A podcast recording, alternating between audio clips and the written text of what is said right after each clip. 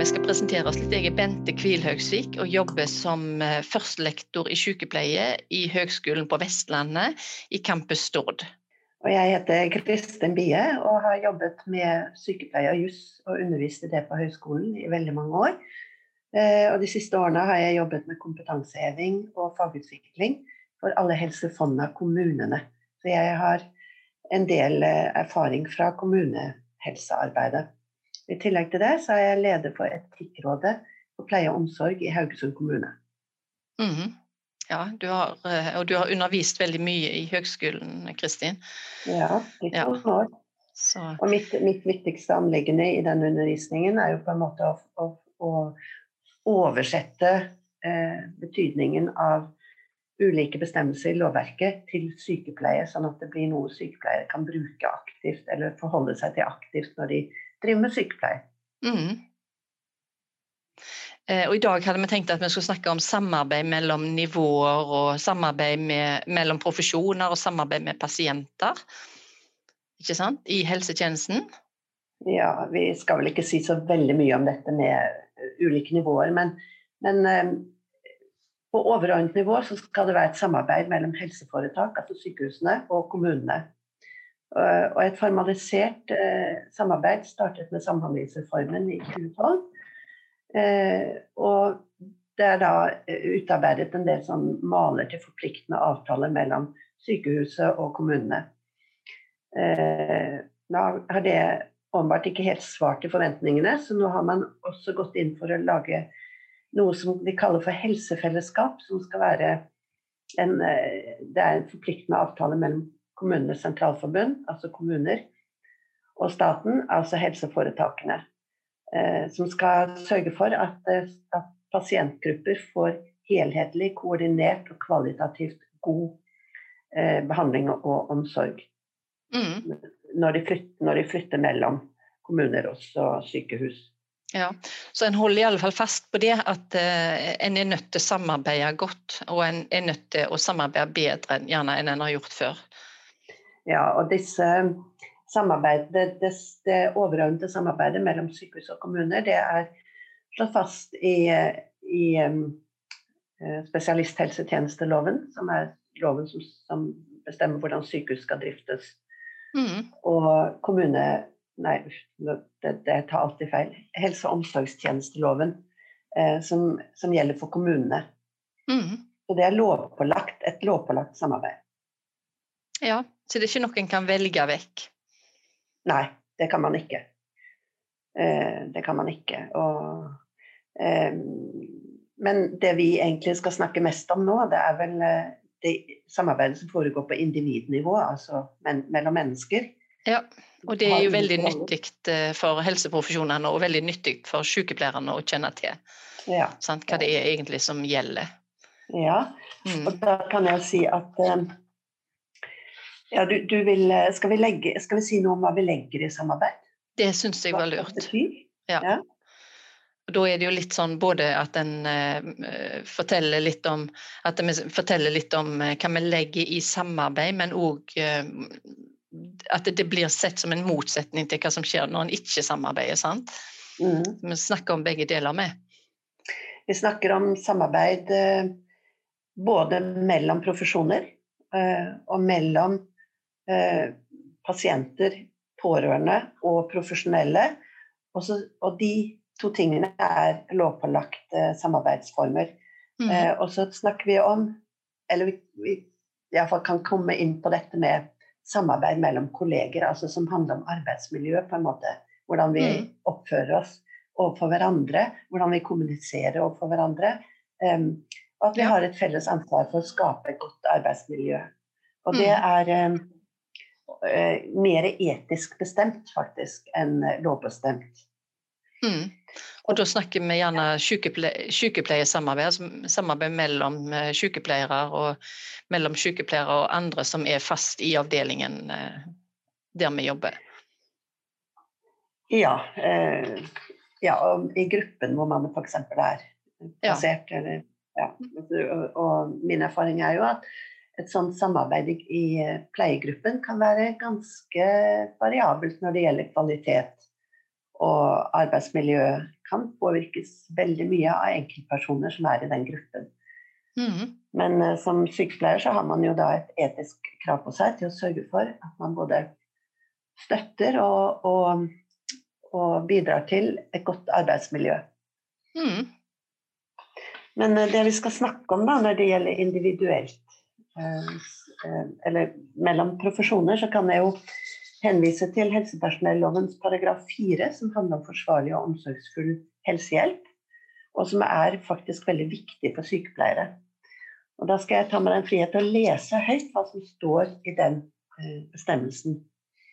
Helsepersonell skal innrette seg etter sine faglige kvalifikasjoner eh, og skal innhente bistand eller henvise pasienten der dette er nødvendig og mulig.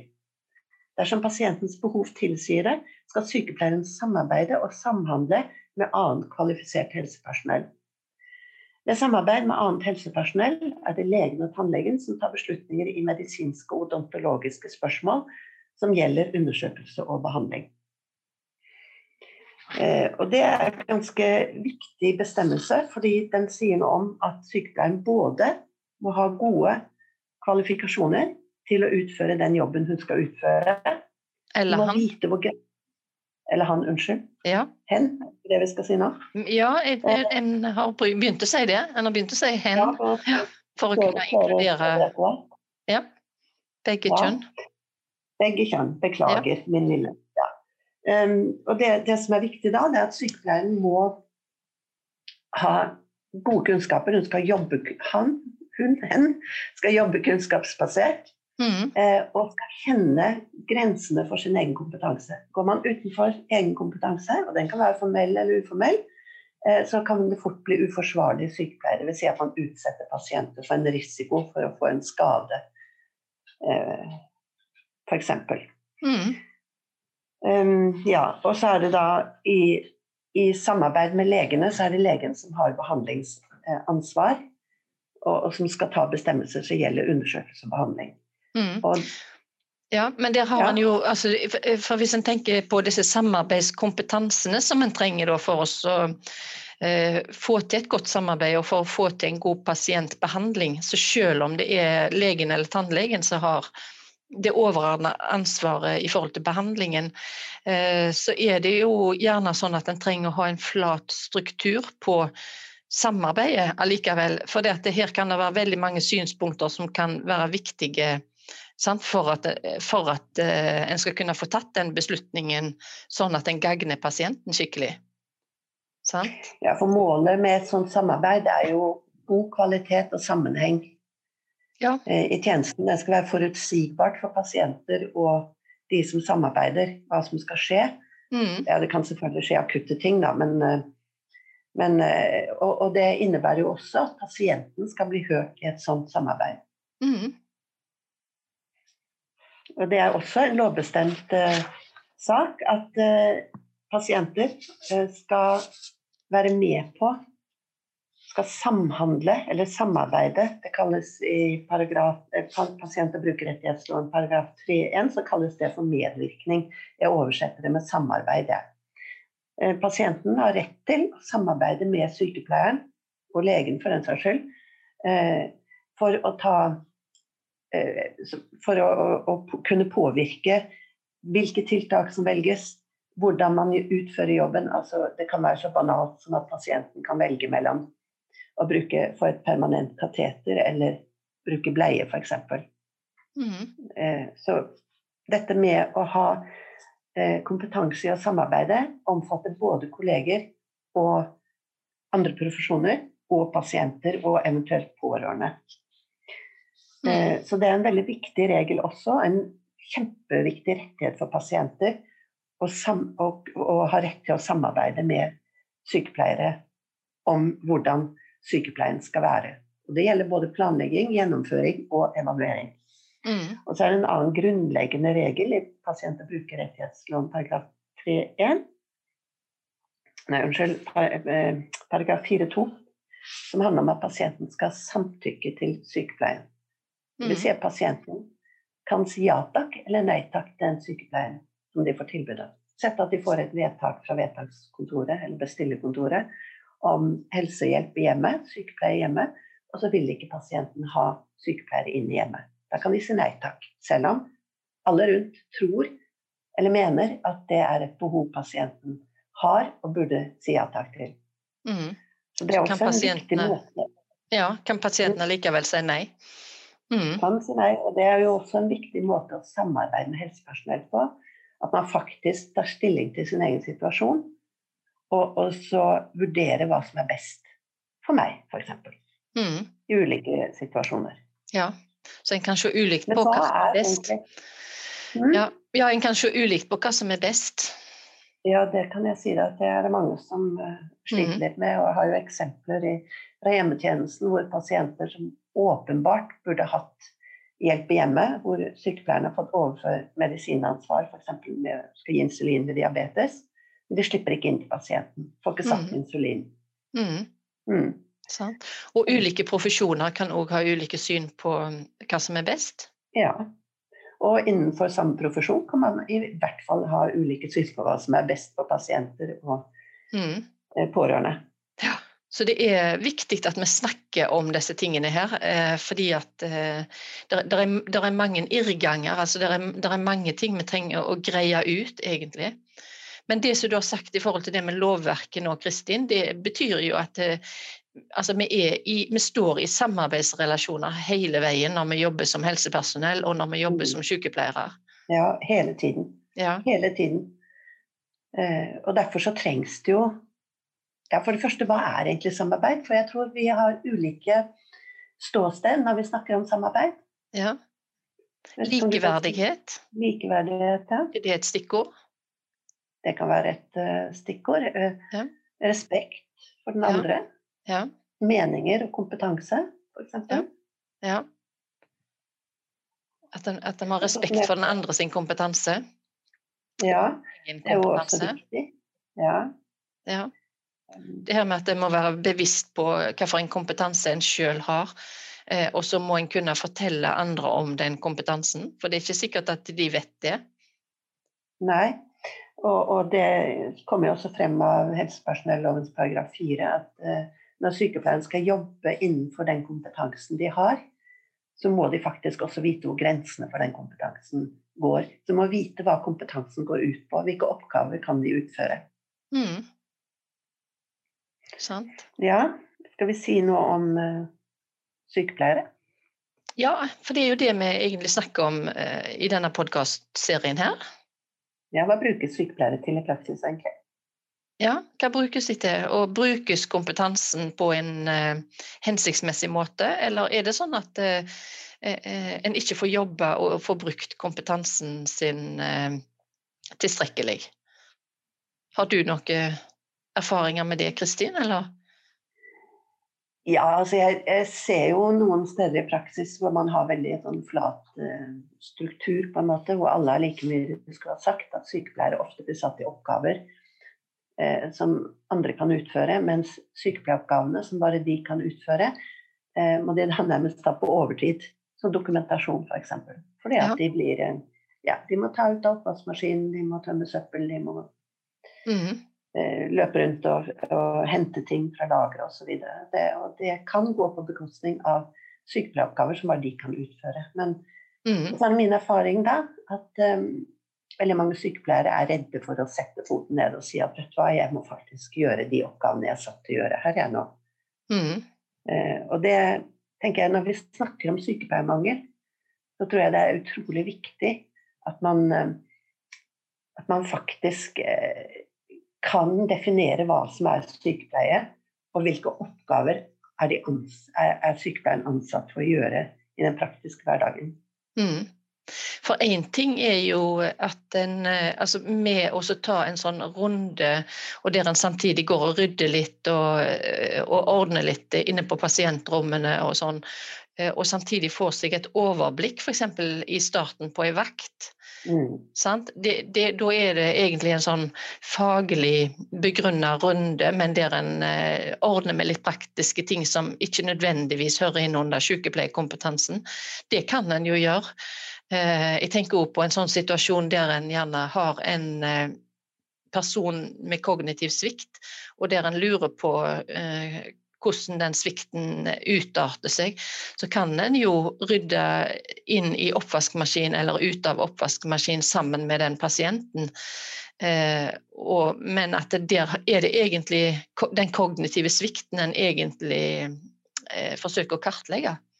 Ja, da, og Jeg sier ikke at ikke sykepleiere skal gjøre sånne oppgaver, for det kan være en viktig del av sykepleien det å kartlegge pasienter ved å gjøre hverdagslige eh, oppgaver med pasienten, og spesielt på en avdeling om man har personer med demens, eller pasienter med demens, mm. så kan det være viktig. Og det betyr f.eks. at sykepleier gjerne Og det er vel kanskje litt særegent for norske sykepleiere. Jeg har hørt mange utenlandske sykepleiere si at de syns det er merkelig at sykepleierne deltar i stellet. Ja. Det kan andre gjøre. Men jeg tenker jo hvis du skal kartlegge en pasient, så er jo det å ha kompetanse i det daglige stellet, å kunne vite hvordan jeg skal hjelpe akkurat denne pasienten, og samarbeide med denne pasienten. Og spesielt hvis det er en person som har en frontallapdemens, som kan være, bli utagerende, f.eks. Bli mm. veldig sint, eller kanskje i bunn og grunn bare redd. Mm. At man har faktisk kompetanse til å, å, å, kommunisere med den pasienten i sånne gjøremål som er dagligdagse. Mm. Det kan være en kjempeviktig sykepleieroppgave. Så det er mm. ikke det jeg snakker om.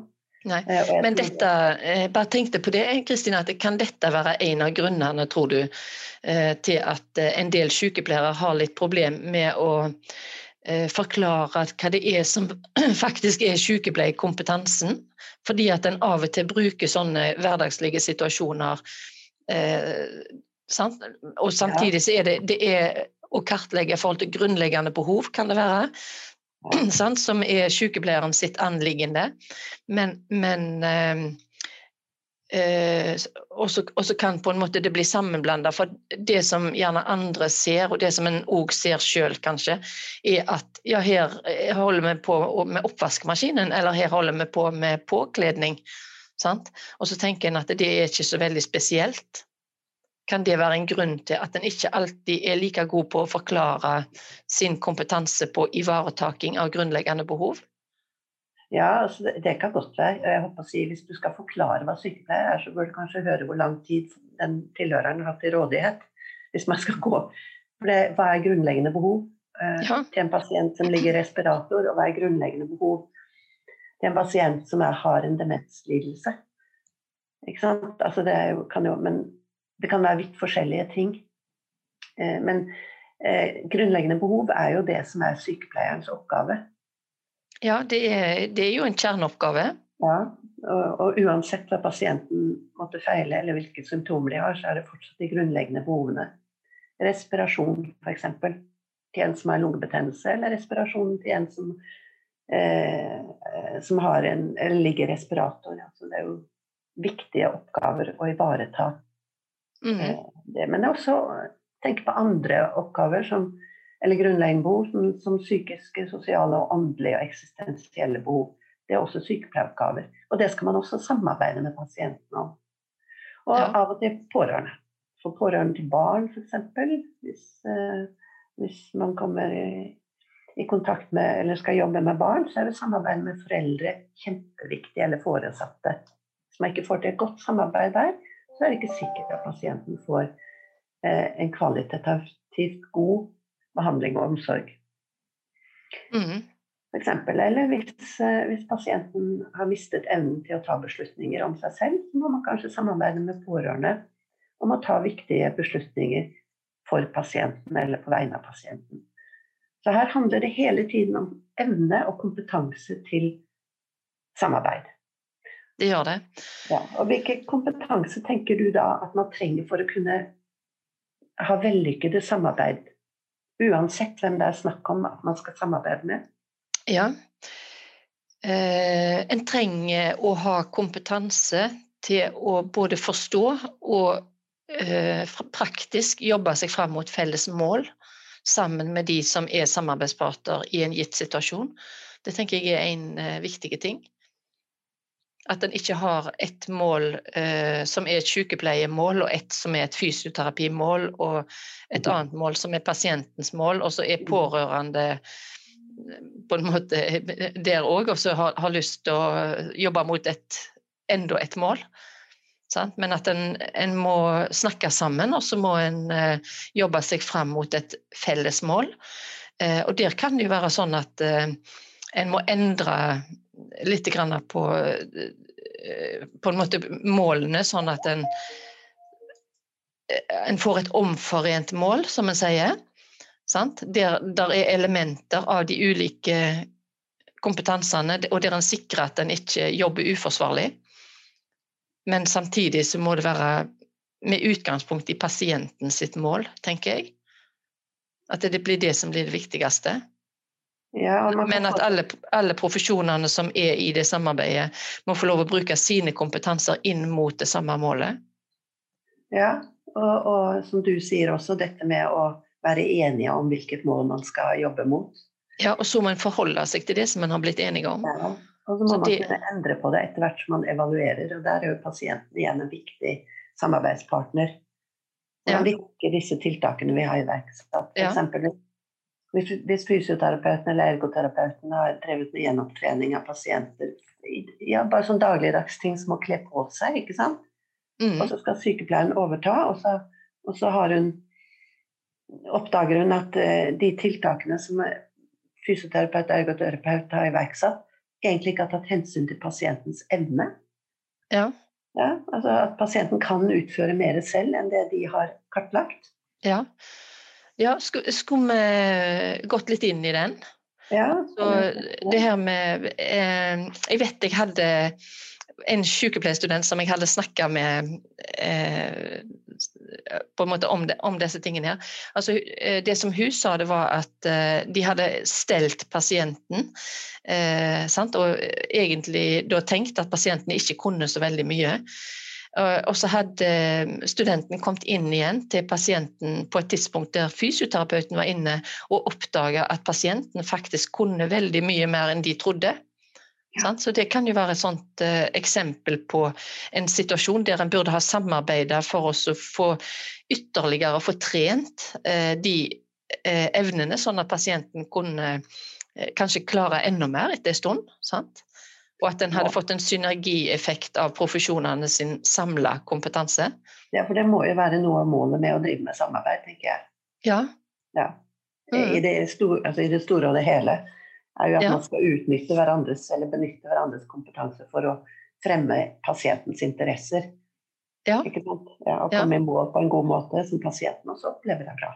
Ja, og Hvis jeg tenker på den typen situasjon, eh, og tenker meg inn i en rehabiliteringsavdeling, så har kanskje andre avdelinger noe å lære av det. Eh, fordi at der kan en gjerne oppleve at eh, Eh, fysioterapeuten blir med inn i stellesituasjonene eh, og kartlegger eh, funksjonsnivået til pasienten i mm. stelle, stellesituasjon. Mm. Og der en faktisk får trent. Og da får en trent på å strekke armen bakover når en skal ta på seg tøyet, f.eks. Mm. Få trent bøying i en naturlig situasjon, og der en trenger den treningen for å klare praktiske gjøremål i hverdagen sin. Mm. Så det er jo det motsatte av å trene separat og, og gjøre ting separat. En, når en gjør det, når en faktisk har de to kompetansene inne i den samme situasjonen, så får en på en måte så får en et omforent mål med eh, aktiviteten. Det blir et eh, mål der alle egentlig eh, har sine synspunkt inne, eh, og der alle kompetansene blir satt i spill. Sånn at det, når det kan På en måte så kan det virke som at det, det er ikke eh, hensiktsmessig å ha mange profesjoner inne på en gang inne hos en pasient. Eh, fordi at det, til sammen så går det så mye timer. Sant? Den timen som en mm. er inne i lag. Men det kan jo vise seg i ettertid at en faktisk har spart mye timer fordi at en eh, lærer seg å jobbe mot det felles målet. Ja, og det er vel noe av det samme når det gjelder dette med individuell plan, som også er lovpålagt i helsepersonellovens paragraf 4, at sykepleiere skal delta i arbeid, arbeidet med individuell plan. Eh, for det er et veldig godt eksempel på et verktøy og en metode for eh, samarbeid mellom pasienter og tjenestene, og mellom eh, de ulike utførerne av helsehjelpen mm. som er involvert i det. Og man kommer ikke langt med en individuell plan hvis man ikke har tatt et felles mål, eller man jobber mot noen felles mål, for det kan jo være flere. Ja. Det er et sånt godt eksempel på, på en metode ja. som kan fremme samarbeid. Ja, og når du snakker om eh, det med å ha en individuell plan, så er det jo av og til sånn at eh, det kan være profesjoner som en er vant til å jobbe i lag med, eh, mm. og de inviterer en inn i det samarbeidet. Men så kan det jo være andre profesjoner som kan eh, viktige ting sant, som har viktige kunnskaper og kompetanser eh, som en kunne hatt bruk for inn i det samarbeidet. Så det at en som student eller det at en som profesjonell eh, setter seg inn i hvilke ulike profesjoner det finnes i helsetjenesten, helse- og sosiale tjenester, eh, mm. og av og til pedagogiske tjenester òg, eller andre, når en kjenner rollene og kompetansene til de andre, så vet en kanskje litt mer om hva tid det er en kan involvere de òg.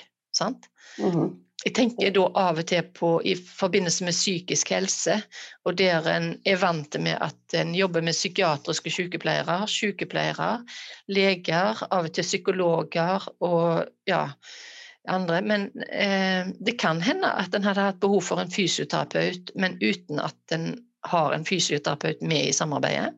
Ja, eller en ernæringsspesialist. Eller, Absolutt. Ja. Eller en logoped. Logoped, ja. Mm. Så det er noe med det, å, å vite hvem en kan involvere. Mm. Eh, og at det der i organisasjonen lages rom for at en kan involvere den kompetansen som eh, en trenger? Ja, altså sånn det står i helsepersonelloven paragraf 4, da skal man jo faktisk søke bistand hos andre når man ikke har den nødvendige kompetansen selv. Og Det mm. kan jo være både andre profesjoner, men det kan også være sykepleiere på avdelingen som har en litt annen kompetanse, eller mer kompetanse enn det jeg har. Mm. Altså det, og det kan jo godt være tilfellet hvis jeg er nyutdannet sykepleier og står der og egentlig det her føler jeg meg ikke trygg på. Mm. At, jeg skal, at, jeg kan gå til en dreven sykepleier på avdelingen og si kan du vise meg, kan du hjelpe meg, kan du forklare meg? Kan, du, kan, vi, kan vi, samarbeide om dette? ikke sant? Mm. Eller, eller, hvis man har en pasient som har uh, ja, en stor operasjon som gjør at de ikke klarer å ta til seg nok ernæring, uh, og blir sendt hjem og får, hjemme, får hjelp av uh, hjemmetjenesten, Mm. Eh, og så ser, ser hjemmetjenesten at her er det jo et stort vekttap, vekttap ja. på gang. Og vi klarer ikke å finne gode tiltak. Skal, mm. Kan vi da eh, få tak i en ernæringsfysiolog som kan hjelpe oss med en kostplan, f.eks.? Ja. Mm. Og noen ganger så er det at en har en ernæringsfysiolog som en eh, vet hvor jobber, vet hvordan en kan ta kontakt med og sånt, men eh, noen ganger må en jobbe litt for å få det til. Ja. Men eh, så tenkte jeg på det med I en del kommuner så har de nå etablert ulike spesialfunksjoner og ulike team. Det kan være et hjemmerehabiliteringsteam i en kommune. Det kan være diabetessykepleier, det kan være en kreftsykepleier, eller det kan være andre som er eh, på en måte tilknytta kommunen, eller som jobber i kommunen, men i en samarbeidende avdeling. Så der er det jo kompetanser en eh, kan involvere, f.eks. Ja, og det vet jeg skjer. For jeg vet eh, Iallfall i Haugesund kommune så sitter jo kreftkoordinatoren eh, på, på samme sted som hjemmesykepleien, hjemmetjenesten. Og de er stadig vekk inne og ber om råd og veiledning. Det er, mer, det er ikke formalisert, på en måte. Mm -hmm.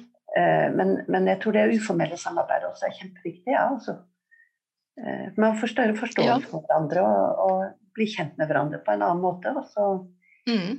kan man bruke det samarbeidet grunnlaget. Kanskje mer formelt hvis det blir behov for det. Ja. Mm. Men mm. hadde du um, mer å si når det gjelder hvilken kompetanse skal man ha? Kompetansene, ja. ja. Jeg, bare lurte på eh, altså En ting i forhold til det med organisering, når vi nå så vidt var innom det, Kristin. Mm.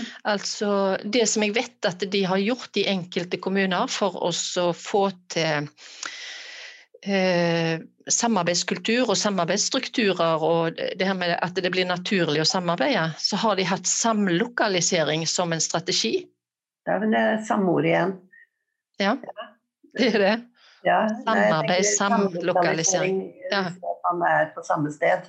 Ja, for jeg kom ja. på det når du nevnte dette med uformelle situasjoner, ja, som av og til er nyttige fordi at du Der kommer en av og til på at OK, ja her har vi en sånn kompetanse. Ja, men den kompetansen trenger jeg jo egentlig i mitt arbeid med mine pasienter. Ja. Sant? Mm -hmm. Og det, det, er morsomt at du sier det, eller morsomt, det er interessant at du sier det. Fordi jeg har jo erfaring fra et lite prosjekt eh, vi hadde for noen år tilbake på utviklingssenteret hvor jeg jobbet. Um, og det var et prosjekt eh, i, i, samarbeid med sykehusprest og diakon i kommunen. Uh, og en liten gruppe, refleksjonsgruppe av sykepleiere fra sykehuset og fra kommunehelsetjenesten. Det var sykepleiere som primært jobbet med døende pasienter. Og eh, da vi hadde en oppsummeringssamtale til slutt om hva hatt hva slags nytte de hadde hatt av dette prosjektet, så var det én ting de sa helt tydelig alle sammen. De skjønte mye bedre hvilken arbeidssituasjon de hadde på altså Kommunesykepleierne skjønte hvilken arbeidssituasjon de hadde på sykehuset. Og sykehussykepleierne skjønte hvilken arbeidssituasjon de hadde i kommunen. Så Derfor så fikk de også større toleranse for om ikke epikrisen kom øyeblikkelig. ikke sant? De skjønte hvorfor. Mm. Eh, eller eh, hvorfor eh, Eh, pasienter ble utskrevet på visse tidspunkt som for, før hadde fortont dem som helt idiotisk. Når de skjønte hvorfor det skjedde på den måten på sykehuset, mm. så fikk de også større toleranse for det og klarte å snu seg på en annen måte og få til gode tiltak for pasienten mm. som kom hjem. Så, så, det tenker jeg også, dette uformelle, de uformelle møtepunktene, de er viktige for samarbeidet. altså. Mm. Og noen det... ganger må en eh, passe på at sånne uformelle møtepunkt, at en eh, kanskje gjør de formelle. Sant? Sånn at en mm. sikrer eh, informasjons... eh, på en måte mellom hvordan det er i ulike avdelinger, f.eks. Eksempel, ja. ja. Og vi, vi, ser jo altså Dette med kultur er jo veldig interessant. for det, Hver avdeling utvikler jo sin egen kultur på en institusjon. Ta et sykehjem. Sykehjem har én kultur som de representerer ut av. Men på hver avdeling oppstår det ulike kulturer, og i hver gruppe som den avdelingen er delt inn i, så får de sin egen gruppekultur. Mm. Og da blir det veldig fort sånn de på de andre gruppene, og så oss. Mm. Og, og, så kan det bli gnisninger fordi at man er ikke helt sikker på jeg gjør de egentlig en god jobb de, på den andre gruppen når de gjør sånn og sånn. Mm. Uh, så uh, dette med å uh, i mye større grad snakke sammen og bli kjent med hverandre og og få tak i hvilke verdier og holdninger som styrer den enkelte personen i den gruppen. Eh, det handler om kunnskap om de andre. Både ja. deres kompetanse, men også deres person, personlighet, altså preferanser. Hva, hva, er det de har som viktige mål i livet sitt? Mm. Og det gjelder jo pasienter og pårørende òg, når man skal samarbeide med de. Det er å få vite hva som er viktig for dem. Mm. Så det handler om kommunikasjon, det handler om å ha god kommunikasjon. Eh, og der en snakker et språk som andre forstår. Mm -hmm. eh, og litt som du var inne på det med at eh, tendens til konflikt, kanskje, når en lurer på hvem er det som er best her, liksom? Hvilken gruppe er det som er best? Mm -hmm. men, eh, og så kan det oppstå konflikter, men en kan forebygge konflikter. Og så trenger en å ha god kommunikasjon og et respektfullt språk når en skal løse konflikter. Ja. Den, ja. Trenger å opparbeide det. Et respektfullt språk i vanskelige situasjoner. Ja, det er kjempeviktig. Mm. For eh, hvis man ikke viser respekt for den andre, så har man jo allerede ødelagt den gode kommunikasjonen. Ikke sant? Ja, akkurat det. Mm.